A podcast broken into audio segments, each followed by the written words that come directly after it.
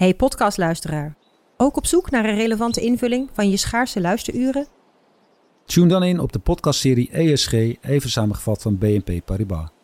Wij, Marloes en Aldert, spreken daar duurzame voorlopers en wereldverbeteraars. Waarover dan? Nou, bijvoorbeeld of we ooit duurzaam kunnen gaan vliegen. En waarom koeien in de stad nou een goed idee is? Dat en meer elke twee weken in een nieuwe aflevering. Dus abonneer je. ESG, even samengevat. Ik ben al jaren ondernemer, maar waar moet ik eigenlijk allemaal aan denken nu ik voor het eerst personeel wil aannemen, voor het eerst ga importeren of voor het eerst een bedrijfslocatie zoek? Weet wat je wel of niet moet doen bij zaken die je voor het eerst oppakt. Check kvk.nl voor praktische stappenplannen. KVK, hou vast voor ondernemers.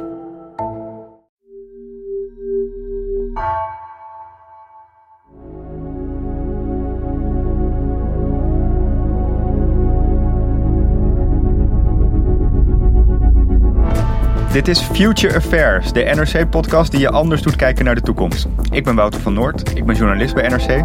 En ik ben Jessica van der Schalk, filosoof en ik werk bij de Amsterdamse denktank Freedom Lab. In deze podcast proberen we een glimp op te vangen van wat er de komende jaren op ons afkomt.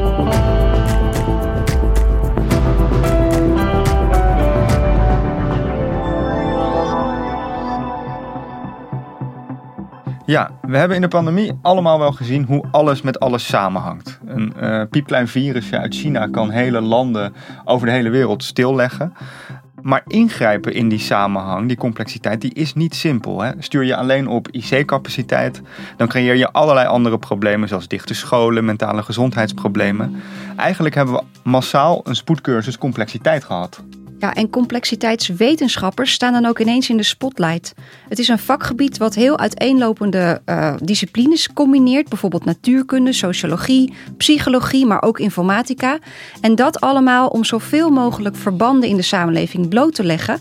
En daarmee kunnen we dan weer toekomstvoorspellingen doen die voorheen maar moeilijk te maken waren. Bijvoorbeeld over beurskoersen of de dynamiek van criminele organisaties. En jawel, pandemieën. En daarom wilden we deze week praten met uh, de expert van Nederland op dit gebied, namelijk Peter Sloot. Hij is hoogleraar in uh, Amsterdam en in Singapore. Hij bouwt aan digitale simulaties van hele steden en landen uh, om op die manier voorspellingen te doen over die maatschappelijke systemen en ook om te berekenen hoe je daarin ingrijpt. Deed mij een beetje denken aan het spelletje SimCity. Skylines make a city. Streets, cars and people make a city communities, nightlife, crime. SimCity. Your city, your way. Volgens Peter kunnen we deze technieken maar beter heel snel serieus gaan nemen om de grote problemen van deze tijd op te lossen. Wat mij zo verbaast en ver verwondert is hoe alles met alles verweven is. Eh, of het nou gaat om moleculen in een cel die, uh, die de cel in leven houden. En hoe al die cellen met elkaar in interactie ons in leven houden, ons immuunsysteem.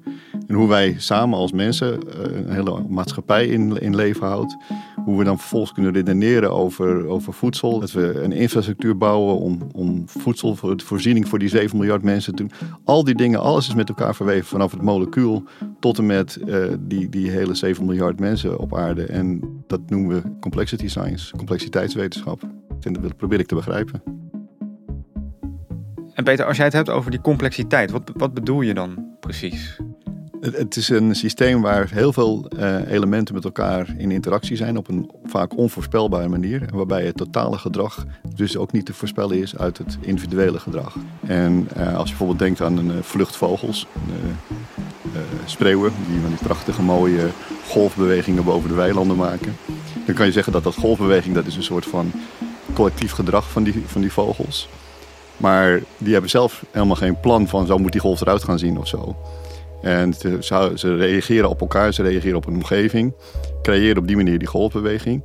En dat hele, dat hele gedrag vanuit individueel naar collectief, dat noemen we uh, het gedrag van een complex systeem. Dat hele kleine uh, bewegingjes, hele kleine acties tot hele grote golven en, en, en uh, interacties leiden. Ja, en dat komen we overal tegen, dat is het maffe eraan. We zien dat in de stad. We zien hoe mensen met elkaar in interactie zijn, in interactie met hun omgeving. Maar denk, denk aan, uh, aan onze hersenen. Waar we, we hebben in de orde van, uh, van 100 miljard uh, neuronen. En al die neuronen staan nog eens een keertje met elk neuron met 10.000 andere neuronen ver- verbonden. Dus een gigantische hoeveelheid signalen die daar heen en weer gaan. Die creëren onze gedachtes. Maar je kunt je dan vervolgens afvragen hoeveel van zo'n gedachte zit er in één neuron. Ehm, maar dus het hele punt is dat, dat de gedachte is dan zeg maar collectief proces. Wat komt uit die individuele interacties van die neuronen. En het punt is nou dat op die manier kunnen we wel eh, redeneren over complex systemen. Maar om nou precies te begrijpen wat ze doen. ehm, hoe ze zich in de tijd ontwikkelen. Dus dat we proberen voorspellingen te doen. En probeer maar eens een voorspelling van een gedachte te doen. Ehm, of voorspellen welke kant die, die vlok van die, eh, die, die golfbeweging van die vogels heen gaat. Ehm, ja, dat kunnen we eigenlijk gewoon niet. Ehm, maar dat begint zo langzamerhand een klein beetje, beginnen we methodes te ontwikkelen, nieuwe wiskunde, eh, nieuwe algoritmiek ook, waarin we iets meer grip op dat geheel beginnen te krijgen.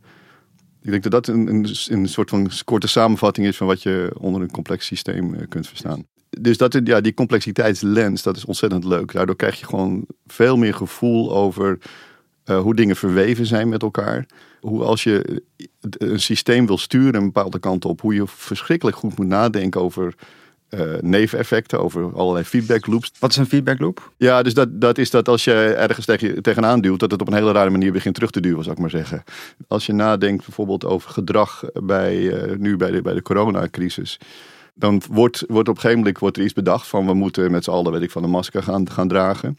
En wat je dan ziet, op het moment dat mensen die masker beginnen te dragen, dat ze ook hun gedrag weer gaan veranderen. Dat ze denken van, oh, dan is het ook veel veiliger, dus we kunnen dichter bij elkaar komen. Ja, dat was nou net ook de bedoeling niet. Uh, en dat is een feedback loop. Dus je, hebt een, je, je doet een, uh, een interactie in het systeem. Je doet een, een verandering aan het systeem. En dat doet vervolgens gereageerd op een manier dat je eigenlijk in eerste instantie niet verwacht. En, en, en complexiteitswetenschap probeert die domino-steentjes in zo'n complex systeem, alles wat met elkaar in verband staat, alles wat elkaar beïnvuidt, in kaart te brengen en te bedenken Ja. wat je daarmee kunt Ja, doen. dus die proberen oorzaak en gevolg te duiden, wat ontzettend moeilijk is. Soms kan je het gewoon niet. In sommige complexe systemen is het niet te duidelijk te zeggen wat een oorzaak en wat een gevolg is. Maar wat de complexity science probeert te doen, is, is die verwevenheid in kaart te brengen. En op zo'n manier dat we een klein beetje kunnen voorspellen van als je aan deze knop draait, nou dan gaat het misschien die kant op met zo'n soort waarschijnlijkheid.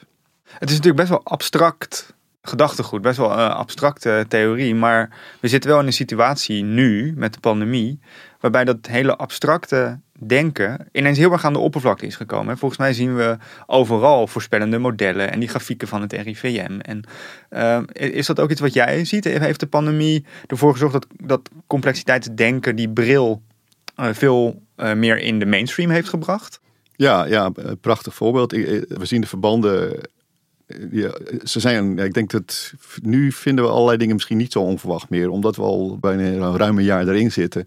Dus, eh, maar hadden we dit gesprek twee jaar geleden gehad, dan had het echt heel anders geweest. Want dan, dan, dan had je over social distancing heel anders nagedacht. Had je anders nagedacht over een mondkapje, eh, over alle eh, verhalen die eromheen gaan, die waar of niet waar zijn. Het, het, is echt, we hebben heel veel geleerd van die, eh, van die complexiteit. Ja, je zegt dus eigenlijk, eh, als je zo'n complex systeem begrijpt, dan weet je ook hoe het kan dat een heel kleine handeling een onwijs groot effect kan hebben. Maar ik denk dan eigenlijk meteen, is dan niet alles een complex systeem? Of zeg jij, nee, er zijn complexe systemen en er is ook zoiets als een niet-complex systeem. Ja, die gecompliceerd zijn, zal ik maar zeggen. Een ge- gecompliceerd systeem zou bijvoorbeeld, als je kijkt naar een vliegtuig, dat zit ramvol met allerlei onderdelen die allemaal met elkaar ook verknoopt zijn. Maar dat is allemaal van tevoren sta- staat dat vast. En dat evolueert verder niet. Het verandert zijn omgeving ook niet. En het reageert ook niet op zijn veranderende omgeving. Dus een vliegtuig is ingewikkeld, maar is niet een complex systeem. Ja, En is het verschil tussen een complex systeem en een gecompliceerd systeem ook een inhoudelijk verschil?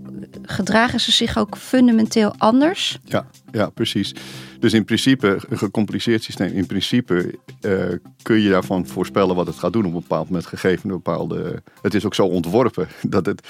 En een, een complex systeem, ja, dat is niet ontworpen. Dat is geëvolueerd, dat is eh langzamerhand ontstaan, zal ik maar zeggen. En een gecompliceerd systeem, dat is echt specifiek ontworpen voor een bepaalde taak. En nou, als het goed is, doet het die taak ook. Oké, dus je zegt er is een nogal groot verschil tussen gewone ingewikkelde systemen, zoals een vliegtuig, en complexe systemen, zoals een stad of een zwerm vogels. Ehm, in een ingewikkeld systeem weet je als je op een knopje drukt precies wat er gaat gebeuren, als A dan B, terwijl complexe systemen veel moeilijker te voorspellen zijn. En wat jij doet, is proberen om complexe systemen te begrijpen en dan vooral om uit te zoeken hoe je er invloed op kunt uitoefenen. Het doel is inderdaad om dat als een systeem te zien waarbij je zegt van als ik, als ik niks doe, dan gaat het die kant op. En als ik een heel klein tikje er tegenaan geef, dan gaat het misschien die kant op. Moet ik even goed kijken. Dan kan ik nog een keertje tikje. Want ik kan niet van tevoren het. Dat is ook zo'n eigenschap van een complex systeem. Je kunt niet zeggen van. Ik wil echt dat het daaruit komt. Dus je kunt niet zeggen, ik wil de economie nu, weet ik veel, uh, 3% laten groeien. En dan moet ik dat en dat doen. Dat gaat gewoon, je kan het niet op voorhand zeggen. Wat je wel kan doen, is kleine deeltjes geven. Dus die nudges noemen we dat dan ook wel. En dus je geeft een klein duwtje. Dan kijk je naar hoe het systeem reageert. Op basis daarvan en met alle gereedschappen die we dan hebben, geef je weer een ander duwtje. En zo langzamerhand kun je, hoop je dan dat je het de kant op kunt sturen waarin je het wil hebben.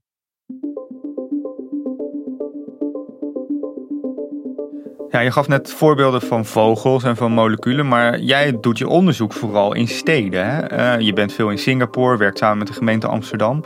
Waarom dan die stad? Ja, in de eerste instantie natuurlijk omdat de stad een, uh, een grote dichtheid aan mensen heeft, waardoor dus je te maken hebt met netwerken en interacties. Ja, het is het ultieme complexe systeem. Precies, ja, als iedereen uh, heel ver van elkaar zit, elkaar niet ziet, heb je ook geen interactie. Dus dat, dat helpt dan een heel stuk. Nou, en welke vraag stelde je jezelf dan over de stad? Ik denk dat de eerste vraag die je jezelf zou moeten stellen is: waarom hebben we steden? Want dat is helemaal niet zo vanzelfsprekend. Dus kennelijk is er iets, en dat iets is dan nou waar je op zoek bent, iets wat het voor de mens relevant maakt om zich te organiseren in steden. Bijvoorbeeld, er is een studie gedaan over meer dan 360.000 steden, van allerlei groottes. En wat blijkt nou? Dat eh, als je de stad in grootte verdubbelt, dat er allerlei efficiëntie gaat optreden. Dus stel nou dat we, we, halen, we halen mij uit Amsterdam vandaan en we plaatsen mij in, in Londen, wat een paar keer groter is. Um, dan dan word ik efficiënter op allerlei manieren. Maar hoe bedoel je dan efficiënter? Uh, we hebben minder publieke transport nodig om dezelfde hoeveelheid bewegingen te kunnen realiseren.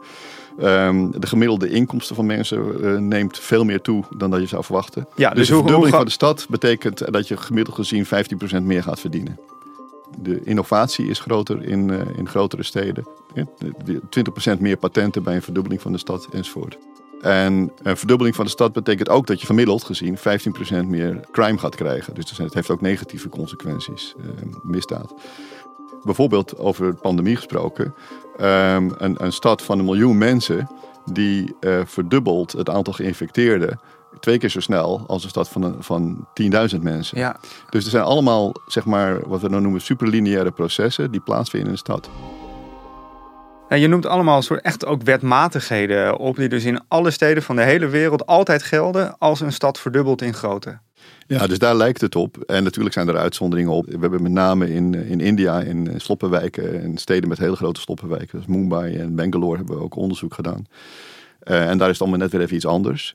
Maar um, als je kijkt naar zeg maar, landen zoals Nederland en, en, en Amerika enzovoort, dan, um, dan gaat die regel redelijk goed op. Dus in principe is er een reden voor mensen om zich te organiseren in een stad, omdat het gewoon veel efficiënter wordt het leven. Ja, maar dat doen we helemaal niet bewust. Nee, precies. Dat, dat gaat onbewust of zo. Dus, dus, en zo zijn steden waarschijnlijk ook ontstaan. Dus wat op zich wel vreemd is, want we hebben ook nog die dingen als wat we dan noemen de Dunbar-getallen. Dus dat oh is zeg maar de hoeveelheid eh, mensen die je efficiënt kunt kennen, zou ik maar zeggen.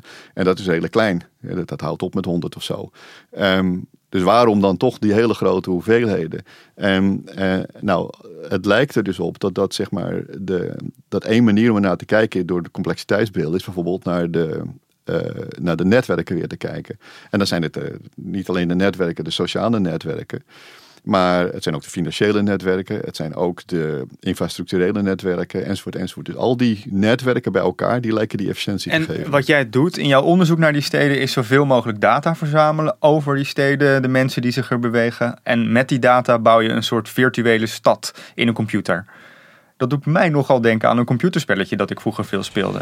SimCity, your city, your. Is dat ook hoe jij de data, de complexiteit van een stad ziet en gebruikt? Ja, dus zo zou je het willen doen. het gaat er allemaal om van je wil gewoon de wereld om je heen begrijpen. Dat, is eigenlijk het aller, allerbelangrijkste waar je, waar, wat, wat hierachter zit. En als je dus in staat bent om met die complexiteitsbril en de gereedschappen die we daarvoor hebben en die idiote hoeveelheid data die we hebben, als je in staat bent om dan iets beter te voorspellen hoe, hoe zo'n systeem zich gedraagt, of hoe zo'n stad, zo'n stad zich gedraagt, of aan welke knop je moet daar. Denk eens na aan, in Amsterdam hebben we segregatie. Dit is dat, dat, dat, dat, dat, we bijvoorbeeld zwarte scholen hebben en witte scholen hebben en nou ja, bepaalde religieuze uitingen in één school en andere school niet. Dat wil je eigenlijk veel meer mengen. Nou, hoe doe je dat nou? Dat, dat is nou typisch zo'n vraag waar je als, uh, als complexiteitsdenker over na. Dat doen we ook oh, trouwens. maar hoe dan? dan, dan hoe, hoe werkt dat? Nou, het begint eerst dus die data verzamelen. En als je dat hebt, uh, ga je in dit geval maken we daar dan uh, agent-based models van. Dus dat zijn die, die individuele gedragsmodellen. Um, en probeer je op die manier grip te krijgen op. Ga je, ga je het als het ware naspelen. Dus we hebben gewoon in de computer hebben we scholen gemaakt. We hebben uh, die scholen bevolkt met studenten waarvan we het, de gezin hebben gemodelleerd.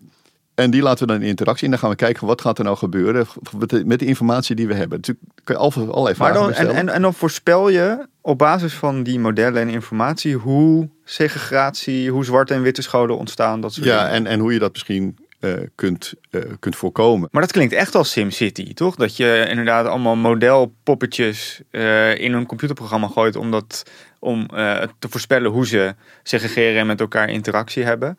En wat, wat ik ook heel erg in hoor en heel interessant vind, is dat je dus door dat te modelleren ook hele andere dingen ziet dan je intuïtief of, of gewoon op basis van je normale blik zou, zou zien. Ja, ja, dat is precies het hele punt. Het is, het is juist, en, en dat maakt het natuurlijk zo super leuk, dat, je, dat, dat je knutselt dat in elkaar en dat probeer je zo degelijk mogelijk een uh, fatsoenlijk theorie voor te ontwikkelen enzovoort.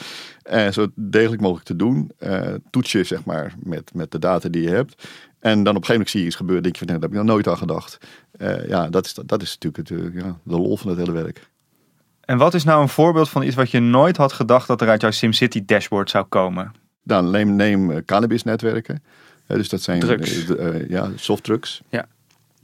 dat zijn allemaal netwerken. Want wat daar gebeurt is dat nou, iemand die heeft een stuk ruimte waar die wiet begint te kweken. Um, daar heeft hij verwarming voor nodig. dat kan hij niet zomaar van het net trekken. Althans, dat kan wel van het net trekken, maar dat valt dan op. Dus je moet dat op een of andere manier moet je dat verstoppen. Daar heb je een elektricien voor nodig die je helpt. Die trek je weer niet uit de, uit de gele gids vandaan. Dus dat moet, kortom, dat haal je uit je netwerk. op zo'n manier bouw je een netwerk van allemaal mensen die allemaal functie hebben. Uh, uh, dat, dat, noemen we dan een value chain. Allemaal mensen die allemaal een functie hebben in zo'n crimineel netwerk.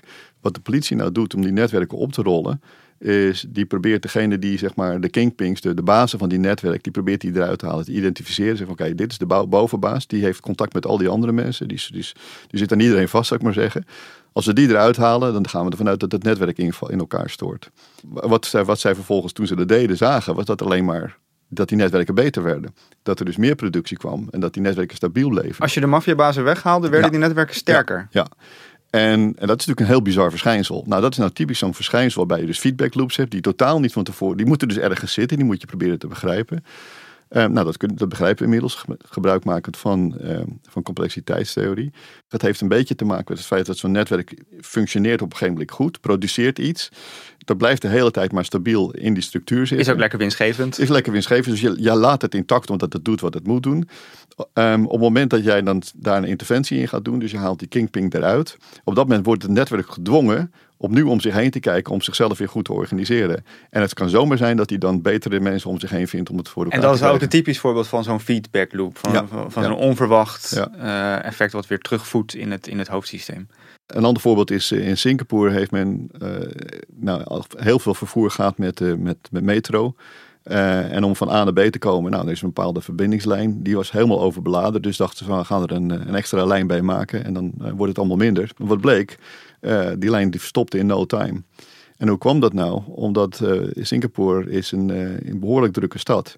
Um, en wat je eigenlijk wil op zo'n lang traject in de metro is dat je wil dat je kan gaan zitten. Nou, als je ergens midden in zo'n traject, traject instapt, dan zijn alle plaatsen bezet. Dus wat gaan mensen doen? In plaats van dat ze verder gaan reizen, gaan ze eerst terugreizen om een plek te bemachtigen en dan kunnen ze verder reizen. En daarmee werd op een gegeven moment kregen ze een totale verstopping van, van die metro. Dus dat is ook een, een consequentie van waarbij je dus een planning maakt, maar die totaal anders uitpakt door uh, neveneffecten die, uh, die die verwevenheid zo mooi weergeven.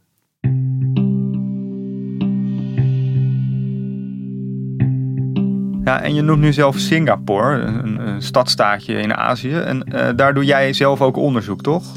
we hebben daar een instituut, een complexiteitsinstituut. En wat het leuke is aan Singapore, dat vind ik echt heel bijzonder, is dat de, de, de ambtenaren en, en de ministers, dus op, dat niveau, dus de, de mensen die zeg maar de regels bepalen in het land, heel erg complexity-minded zijn. En uh, dat komt nog van uh, Lee Kuan Yew, de voormalige... De, de grote oprichter van Precies. het land eigenlijk, ja. Um, en maak je in Singapore ook gebruik van uh, computermodellen en zo'n dashboard? Echt zo'n zo'n scherm waar allemaal data binnenkomen en waar je schuifjes hebt om dingen aan en uit te zetten en bijna in real time kunt ingrijpen in de stad. Uh, en welke rol spelen dan dit soort simulaties, AI en dashboards? Een hele goede vraag. Die, die rol is vooral um, de what-if rol. Dus laten zien van oké, okay, als je dit doet, dan gebeurt er dat. Uh, in Singapore zijn Singapore is ontzettend afhankelijk van, van alles eigenlijk. Hè. Ze, hebben, ze hebben niks. Nee, een heel klein stadstaatje. Ze hebben, ze hebben mensen en daar houdt het eigenlijk mee op. En heel veel geld. Ingeklemd door vijanden. ja, ingeklemd door vijanden, zeker. zeker. Uh, dus, dus voor hun is het heel erg belangrijk om goed te kijken van oké, van hoe, hoe, kunnen we, hoe kunnen we dit land nou stabiel houden. Dus die willen graag dit soort, uh, dit soort spelletjes spelen. Dus wat je dan doet, ga je dan kijken, samen kijken van oké, van als we deze interventie in het systeem doen, welke kant gaat het erop? Bijvoorbeeld nu hebben we een heel groot project nu net uh, gehonoreerd gekregen. Uh, dat heet uh, de South, Southeast Asia Sea Level Rise. Dus dat gaat over wat zijn de consequenties van het, het stijgen van de zeespiegel voor Singapore. En dat is een, is een idioot ingewikkelde vraag. Want uh, dat heeft te maken met wat voor migratie ga je verwachten van mensen. Moet je dan je grenzen open doen of juist dicht doen?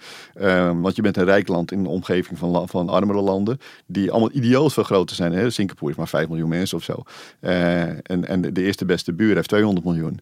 Dus Um, weet je, dus dan moet je allemaal over dat soort dingen nadenken. En, maar ook over sociaal. Hoe ga ik, ga ik sociale cohesie vasthouden? Hoe ga ik zorgen dat mijn afhankelijkheden met achterland kleiner worden enzovoort. Dus dat, en, en dan vervolgens moet je ook nog eens een keer snappen van kan ik voorspellen wanneer die sea level rise nou precies geplaatst. Dus je moet ook de fysica ervan doen en, de, en, de, en uh, alles in de klimaatwetenschap. Ja, het ultieme complex systeem. En dat kan je.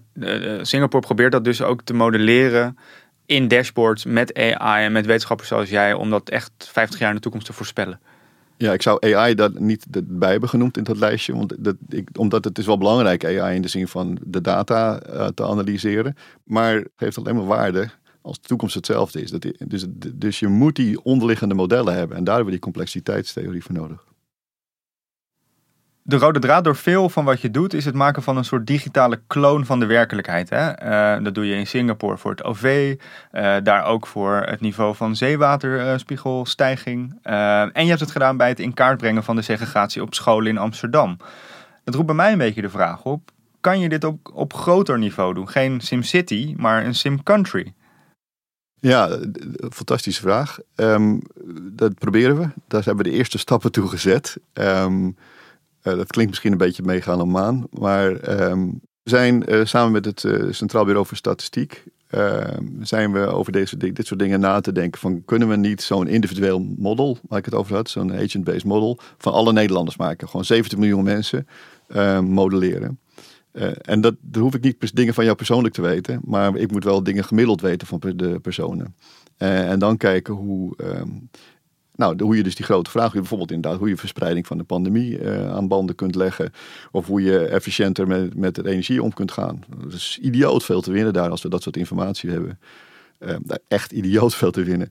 Um, uh, maar ook de energietransitie, hoe, hoe doe je dat precies? Uh, nou, dat, dan kun je dat soort vragen wat beter. Maar hoe kan, hoe kan CBS-data helpen bij die energietransitie? Dat, dat, snap ik nog niet helemaal. Oh ja, heel veel. Want die hebben dus heel veel informatie over, over, over, nou, over van alles nog wat. Maar dus ook over gedrag, ook over feitelijke afname van, van energie. Over verwevenheid van industrie, industrieën die met elkaar verweven zijn. We doen een project in, in Zeeland daarover. Um, dus waarbij dan gekeken wordt van oké, als je één bedrijf van het gas afhaalt, wat heeft dat voor consequenties van aan- en afvoer van allerlei andere dingen bij ja, andere eigenlijk, bedrijven? Eigenlijk wat je doet met die kingpin uit het uh, criminele netwerk halen, dat doen jullie in zo'n simulatie met, het, uh, met een bedrijf dat gas gebruikt. Ja, ja. Dus van het gas afgaat en dan kijken wat er gebeurt. Dat is precies hetzelfde idee. Dus, dus het zijn dus in zeg maar die SimCity voor jou uh, simulaties van interventies. Hoe lang duurt het nog voordat we zo'n uh, digitale tweeling van Nederland hebben waar we dit soort voorspellingen en modellen op kunnen nou, bouwen? Dat, zal natuurlijk nooit klaar zijn. Um, maar ik, ik denk één ding wat je, waar je over na moet denken is het volgende. Dat um, wat, wat wij voortdurend in ons hoofd doen, in, als, als mens, uh, we, gebruiken onze, onze prefrontale cortex om stukjes van de toekomst te voorspellen.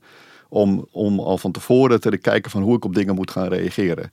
Uh, weet ik van, je ziet een auto aankomen, dan kan je ongeveer al het pad uitrekenen van wat die auto gaat nemen. Op basis daarvan ga je wel of niet oversteken enzovoort. Dus we, we zijn voortdurend bezig met niet alleen met het heden en met het verleden, maar ook een klein stukje naar de toekomst te kijken. En dat kunnen we doen omdat we een fantastische uh, dataverwerking systeem uh, tussen onze oren hebben. Maar ook omdat we een soort van ja, geleerd hebben, zonder dat we dat precies de vergelijking voorop kunnen schrijven, maar geleerd hebben wat de onderliggende processen zijn. Je weet ongeveer als de auto zo hard gaat, dat, nou oké, dan, dan, is dat de afstand die hij heeft afgelegd in die en die tijd. Dan kun je beter niet de weg opstappen. Precies, dus je, dus je hebt niet alleen, het is niet alleen data, maar je hebt ook de onderliggende mechanismen een klein beetje een gevoel voor gekregen. Nou, dat is wat onze hersenen doen. Wat ik me voorstel is dat, um, dat complexe systemen gereedschappen geven om dat net een stapje verder en een stapje beter te doen. Gaan we met deze ontwikkeling niet op een punt komen dat het steeds moeilijker wordt om de antwoorden die rollen uit zo'n complexiteitsmodel tegen te spreken? Zo van, ja, als de computer ja zegt, dan is het dus ook ja. Het is een gereedschap. Het is niet zo dat het allemaal maar vast ligt. Dus laten we het niet vergeten, het, zijn, het heeft die inherente uh, chaotische gedrag hebben we nog steeds. Hè? Dus het is niet zo dat je zegt van oké, um, we kunnen met 100% zekerheid zeggen dat als de zeespiegel zoveel stijgt, dat mensen zo en zo zullen gedragen. Ja, hoe maak je zoiets nou eigenlijk democratisch? Want als het gaat om ingrijpen in de samenleving op heel specifieke aspecten, die ook nog eens een keer voor mensen niet heel duidelijk zijn, vrij onbegrijpelijk zijn zelfs. Hoe kunnen we daar dan toch democratische beslissingen over nemen? Of, ja, of we die ingrepen wel willen of niet? Ik, een aantal dingen. Kijk, we hebben afgelopen jaren goed opnieuw kunnen zien wat de grenzen van democratie betekent. Dus wat, wat democratie nou eigenlijk betekent. En, en um, zeg maar, hoe de meerderheid dingen bepaalt. En dat dat niet altijd misschien is wat je precies wil. Dus democratie heeft zo zijn, zijn, zijn, zijn, uh, zijn limieten. Um, we hebben alleen niks wat beter is, denk ik. Um, maar wat nou helpt, denk ik, is als je uh, een, een, stuk gereedschap hebt waar, waar je aan mee kunt laten zien van oké, als je dit doet, dan heeft dit voor dan heeft het deze consequentie waar je over na moet denken. En als je dit doet, heeft het deze consequentie over nadenken. En ik denk dat daar um, je dus al die verwevenheid mee moet nemen en dat daar de complexiteit je mee kan helpen. Dus eigenlijk kunnen die complexe systemen het democratisch houden als je meerdere uitkomsten presenteert aan de burgers en niet alleen maar een selectie. Ja, een, een soort van kieswijze van de toekomst, denk ik ja, dan. Weet je? Ja. Dus dat je mensen van, oké, wat wil je nou precies? Van, oké, dat wil je, dat wil je. Maar ja, dat moet dan betekenen dat je dat moet inleveren. En dan moet je, als je dat dan wil, ja, dan kan je dat weer niet. Omdat, omdat het zo ingewikkeld is, hebben we gereedschappen nodig om ons te helpen te overredeneren. Kijk, het feit dat jij eh, eh, je, je mobiele telefoon kan gebruiken, wil niet zeggen dat je ook precies snapt hoe het in elkaar zit, dat ding. Dat weten we gewoon niet, zeg maar. Um, nou, zoiets stel ik me voor. Dus dat je, een, dat je een, uiteindelijk dat daar een technologie een, een uitkomt die best wel heel ingewikkeld is wat eronder zit. Maar dat hoef je niet allemaal te weten. Als je me wel kunt laten zien wat je er eventueel mee kunt en wat de consequenties zijn van, uh, van je handelen kunnen we wel van iedereen verwachten dat ze genoeg inzicht hebben in de consequenties van al die complexe keuzes. Zeker als het heel vergaande consequenties in zich draagt. Ja, dus, dus die ethische vraag die je jezelf net opwierp over van uh, hoeveel controle heb je als individu nog op, op dit soort dingen. Uh, dat is ook zo'n ding die, die plotseling belangrijk wordt om te gaan beantwoorden. Uh, en wat is een prijs die je durft te wil betalen? Um, hoe, hoe hoog is de prijs die ik wil betalen dat mensen um, bij mij een ziekte ontdekken? Ben ik daarvoor bereid om al mijn persoonlijke gegevens te delen? Het heeft ons 40 jaar geduurd om de relatie tussen roken en longkanker te vinden. Ehm, en vervolgens voldoende interventies te bedenken om daar ook. Dat is best een ding geweest. Het, het heeft heel lang geduurd voordat we het ontdekt, hebben. En toen we het eenmaal wisten, bleek dat er zoveel weerspannige processen waren. En dat natuurlijk met geld, met economie en met, met, met, met sociaal gedrag te maken.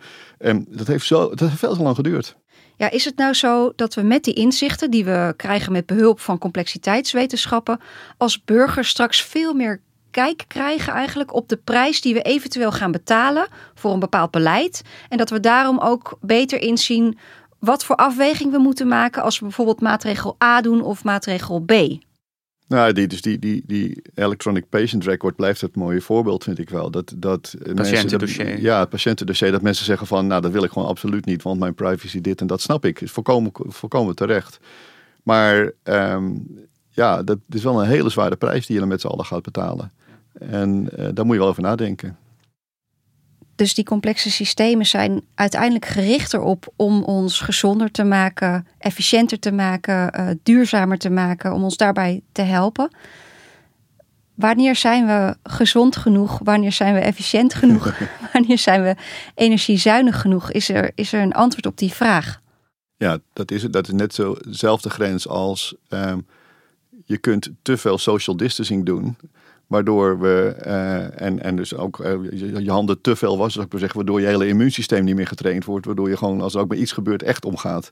Dus er is, met al dit soort dingen zijn er grenzen aan hoe, um, hoe protectionistisch moet je zijn. Um, en het hele punt van een, van een organisme is dat hij moet kunnen leren van zijn omgeving. En, en, en, van van, en dat hij, omdat je dan flexibel bent. Als je zeg maar, als ga je in een niche zitten waar, waar er geen enkele beweging meer in zit. Dus je moet het hele, het hele idee is, wat de, Stu Kaufman is een bioloog die noemt dat uh, exploring the adjacent possible. Dus je moet mogelijk zijn om, uh, om, om fouten te kunnen maken, waardoor je op een gegeven moment in een gebied terechtkomt waar je van zijn levensdagen nooit gedacht had dat je terecht zou kunnen komen, maar wel, je, wel iets Nieuwe mogelijkheden ja, verkennen. Ja. Maar uh, wie bepaalt er dan wanneer die grens bereikt is? En dat vraag ik ook omdat er natuurlijk een heel donker voorbeeld in de geschiedenis ligt waarin met behulp van gegevens. Uh, ja, die, die hebben eigenlijk gefungeerd als een middel om een, uh, om een ideaal uit te voeren. Ik heb het over de Tweede Wereldoorlog. Uh, waarin gegevens om in de haarvaten te gaan ehm, corrigeren en interfereren. Eh, ja, die, dat is gebruikt om, om, een, om een ideaal na te streven. Dus het hangt er maar net van af wie die gegevens hebben en wat het ideaal is op dat moment. Uh, in hoeverre je gaat ingrijpen. Maar wat je nu schetst is wel uh, in, in die donkere schaduwkant een enorm wapen. Omdat je heel ver kunt gaan ingrijpen om een bepaald ideaal van gezondheid, een bepaald ideaal van efficiëntie te realiseren. Hoe, hoe kijk je aan tegen die schaduwkant? Ja, die is enorm. En dat, maar dat geldt voor elk stuk wetenschap wat we doen. Um, en daar, daar zitten dus er zit altijd dit soort grote ethische vragen waar we als onderzoeker goed bewust van moeten zijn. Maar gelukkig is het systeem zo complex dat, dat die, het is echt niet zo dat we kunnen zeggen als we aan dat ding draaien, dan komt er gegarandeerd dat uit. Dus, daar zit, het is, nogmaals, het is een gereedschap om je te helpen te redeneren over de verwevenheid waarin we met z'n allen zitten. En um, en dat is het. Ja, maar, maar toch is de vraag denk ik van Jessica wel terecht. En je hoeft niet eens naar de Tweede Wereldoorlog terug te gaan. Maar alleen maar in, uh, op je smartphone te kijken. Dat zijn, uh, als je kijkt naar hoe Facebook en Google ook um, uh, voorspellende modellen gebruiken. ook een soort SimCity spelen met ons leven. En ook daarin nudges inbouwen voor hun idealen, voor hun verdienmodel. Ehm, dat zijn toch behoorlijk duidelijke keerzijdes van precies deze manier van kijken, redeneren, gegevens verzamelen en proberen gedrag te voorspellen. Ja, absoluut. En, um, en dat, dat, zijn we, dat doen we al heel, heel, heel lang. Um, de manier waarop uh, waar het bier in de supermarkt staat, wordt helemaal bepaald door dit soort gedragsanalyses. Uh, enzovoort, enzovoort. Alleen we kunnen het nu waarschijnlijk iets meer iets verfijnder doen en we kunnen het meer doen. En dat komt ook omdat we onszelf toestaan om heel veel op die, op die apparaten te kijken, zou ik maar zeggen. Dus dat is de reden waarom die interdisciplinariteit zo hard nodig hebben. We moeten echt die sociale wetenschappers, de e-, ethici, de, de, de psychologen, moeten, moeten we naast de natuurkundigen en de, en de wiskundigen en de informatici, moeten we bij elkaar hebben om over dit soort grote dingen na te denken. Want dan, dan worden dit soort vragen gesteld en dan ga je ook. Um, maar het punt is, dan moet je ze wel iets geven waar ze met z'n allen over kunnen kan praten. En zelf de taal. En ik denk dus dat die complexiteit naar die taal is. Gebeurt het al dat er echt vanaf het begin wordt nagedacht, we moeten wel opletten dat we uh, niet een bepaald ideaal opdringen? Of, uh, of dat soort vragen? Nee, ik denk het niet. Ik denk dat uh, op dit moment, dus dat is, ik denk echt dat het is, het is nog veel te veel in, alleen in de handen van, van de beta-wetenschappen denk ik. Ik denk dat, dat wij, wij proberen dus binnen het Instituut van Studie juist die alfa en die gamma-wetenschappen erin zetten om dit soort vragen vanaf dag één mee te nemen. Dus je moet op het moment, het is, jullie hebben helemaal gelijk, het is precies het hele punt. Je moet vanaf dag één, op het moment dat je over dit soort dingen gaat nadenken, moet je die grote vragen durven stellen. Ja, want het lijkt erop, dat merk ik ook in mezelf, dat uh, de schaduwkanten van zo'n systeem, maar ook de fantastische kanten, gaan in mijn hoofd nog niet met elkaar in gesprek, als het ware. Want Natuurlijk is het onzinnig om het alleen maar op basis van die schaduwkanten meteen te verwerpen. Maar het helemaal omarmen op basis van die mooie kanten lijkt ook naïef. Dus ik denk ook dat jij daar een beetje op doelt, Wouter. Van wat zou voor jou, wat jou betreft, de voorwaarden zijn? Of wat zouden goede manieren zijn om die schaduwkanten en die mooie kanten met elkaar in gesprek te laten gaan? De enige manier waarop je dat kunt doen is dat je gewoon vanaf dag één in, uh, in alle vormen van educatie dat het mee, mee gaat nemen. Dus dat je als we, als we natuurkunde doseren, dat we ook, natuurlijk, dat doen we al. Hè, als we natuurkunde doseren en we praten over, uh, over de kwantummechanica en, en we praten over atoomtheorie, dan hebben we het ook over de atoombom. Maar we hebben het ook over mogelijke oplossing van ons energieprobleem en onze, onze milieuverontreiniging. Dus dat, is er al. Er is heel veel van dat soort dingen. Um, maar ik denk dat dat juist nu, omdat we zien dat het nog veel meer verweven is en ook veel meer verweven wordt door de aard waarin we, leven, um, nu alleen maar, dus nu steeds belangrijker wordt om in een, in een vroeg stadium dit al te doen en dit soort vragen te stellen. En neem, neem ons eens mee, Peter. Uh, dit lukt. We gaan vanaf nu gewoon zorgen bij het opbouwen van die digitale klonen van Nederland en Singapore. Dat vanaf het begin slimme ethici, gedragswetenschappers, psychologen uh, samen met datawetenschappers en, en de harde beta-wetenschappers iets maken wat werkt. Waardoor we de samenleving kunnen modelleren, waardoor we een betere wereld kunnen scheppen. Als het allemaal uitkomt, over een jaartje of zeg twintig of zo. In wat voor wereld leven we dan? Wat is er dan nu? Wat is er dan anders dan nu? Ja, dus eh, voorspellen is lastig als het over de toekomst gaat. In de allereerste instantie is dit soort onderzoek is puur nieuwsgierigheidsgedreven. Je wil begrijpen hoe die verwevenheid in elkaar zit. Inderdaad, in de hoop dat je daarmee uh, uh, ook iets kan sturen eraan. Nou, je, zou, je, kunnen, zou, kunnen fantaseren dat um, als we zo'n uh, digital twin van Nederland hebben um, en we kunnen aan knoppen draaien, dat je, dat je in het meest extreme geval, dan ga ik verder dan 20 jaar, misschien wel 50 jaar uh, verder, dat je net als dat je nu een, uh, een, mobieltje hebt waarin je, weet ik veel, allerlei informatie, maar dat je dan iets hebt, een stuk gereedschap, wat je afschattingen geeft van de consequenties van wat je aan het doen bent. In real time? In real time. Je, je, het is in feite, zoals ik het zie, een soort van verlenging van je prefrontale cortex. Het is dus een, een extra manier, een hulpmiddel om iets beter de, de toekomst af te schatten. Uh, die complexe systemen die zijn ontworpen om voorspellingen te doen. En zoals je het net schetste, is dat ook voor ons persoonlijk misschien wel mogelijk in de toekomst. Maar raken we dan niet een deel van onze onvoorspelbaarheid kwijt, die misschien juist wel heel waardevol is in het leven? Het is misschien heel waardevol om in een heel vreemde situatie te komen waar je, waar je niet op voorbereid was. Daar, leer je ook heel veel van. Ja, absoluut. Dus um, je leert heel veel van dingen die je gewoon niet ziet aankomen. En, en, en, we hebben het ook niet over dat alles voorspelbaar is. Absoluut niet. Maar ik bedoel, als jij nu naar het station gaat, dan verwacht je dat een bepaalde trein op een bepaald tijdstip daar is. Ja, als het toevallig net eventjes iets veel gevroren heeft, dan is hij er niet. Nou, dan is het toch fijn dat je dat van tevoren te horen krijgt. Nou, dat is een heel plat voorbeeld, maar maak dat wat extremer. Dat je, weet ik veel, uh, kunt aanzien, iets meer kunt aanzien komen over de dynamica um, uh, op, de, op de beursvloer om maar, om maar zijn zijstraat te noemen. Niet, niet helemaal kan voorspellen, want dat, dat is een ander verhaal. Dat gaat ook niet gebeuren. Daarvoor is het veel te chaotisch. Um, dus het, het, het, het gebruik maken van complexity science, complexiteitswetenschappen, om die complexe systemen te beschrijven, kan ons helpen in, in heel veel gevallen um, de dingen iets grijpbaarder te maken en, uh, en die verwevenheid open te leggen. Maar het is niet zo dat daarmee de hele wereld bepaalbaar wordt, absoluut niet. Uh, lange tijd hebben we het gehad over zogenaamde wicked problems. En dat zijn problemen die zo complex zijn, zoals bijvoorbeeld het klimaatprobleem, dat ze wicked worden genoemd omdat er zoveel verschillende aspecten invloed hebben op dat probleem, dat wij ze eigenlijk niet kunnen oplossen, omdat ze zo complex zijn. Is het nou zo dat in de toekomst die wicked problems minder worden, omdat we complexe systemen kunnen gebruiken? Ik, ik, ik denk dat complexe systemen ons kunnen helpen om dat aantal wicked problemen terug te brengen. Omdat we dan veel beter de verwevenheid in kaart hebben gebracht. Dus die, die digitale klonen, die modellen, die zorgen ervoor dat problemen die voorheen bijna onoplosbaar leken, die wicked problemen van Jessica, uh, wel oplosbaar worden. Maar wat is er nog nodig uh, om die visie te laten uitkomen voor jou? Wat, wat, wat heb je uh, de komende maanden nodig om dit te bouwen? Dus, dus kleine correctie, het is niet zo dat al die wicked problemen, dat gaat gewoon niet gebeuren. Dus, dus uh, een aantal die we nu wicked vinden, die zullen dan niet meer wicked zijn. Ik denk dat dat, en daar, dat zien we ook al gebeuren. Maar wat is er voor nodig om dat nog meer te maken, dat het nog, uh, dat het nog be beter... Ik denk dat dat begint met, um, met de manier waarop we elkaar opleiden en de manier waarop we elkaar informeren en en zo'n uh, podcast als dit helpt daar ook enorm bij. Dus hoe, hoe delen we die gedachten met, met elkaar, waarin we die verwevenheid uitspreken? En eh, dat is wat je nodig hebt. Dus die openheid van mind.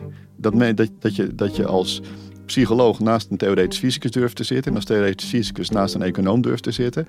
En, uh, en ook echt met elkaar. En dat, is, dat, dat ja, klinkt flauw, maar dat is, dat is helemaal niet zo makkelijk. Maar eigenlijk is jouw oproep: kom uit je niche, kom uit die koker. Praat met anderen uit andere vakgebieden. De wereld is verbonden. Uh, handel daar ook naar. Uh, want dat is de enige manier waarop we die wereldproblemen kunnen oplossen. En dit soort nieuwe manieren kunnen gebruiken daarvoor. Ja. Nou, dat lijkt me een voldoende levensles om mee af te sluiten, toch? Absoluut. Heel veel dank, Peter. Dank Graag gedaan. Dank je wel.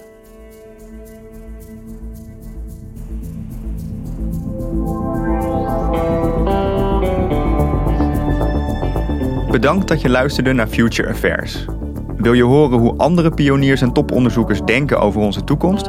Dan kun je nog veel meer afleveringen vinden in de gratis NRC Audio app of via nrc.nl/slash podcast Future Affairs. Je vindt daar iedere twee weken een aflevering die je anders doet kijken naar de toekomst. En vind je deze onderwerpen nou interessant? Abonneer je dan vooral op de gratis wekelijkse nieuwsbrief. En dat kan via www.nrc.nl/slash futureaffairs. Deze aflevering is gemaakt door Henk Ruigrok van der Werven en Jeppe van Kesteren.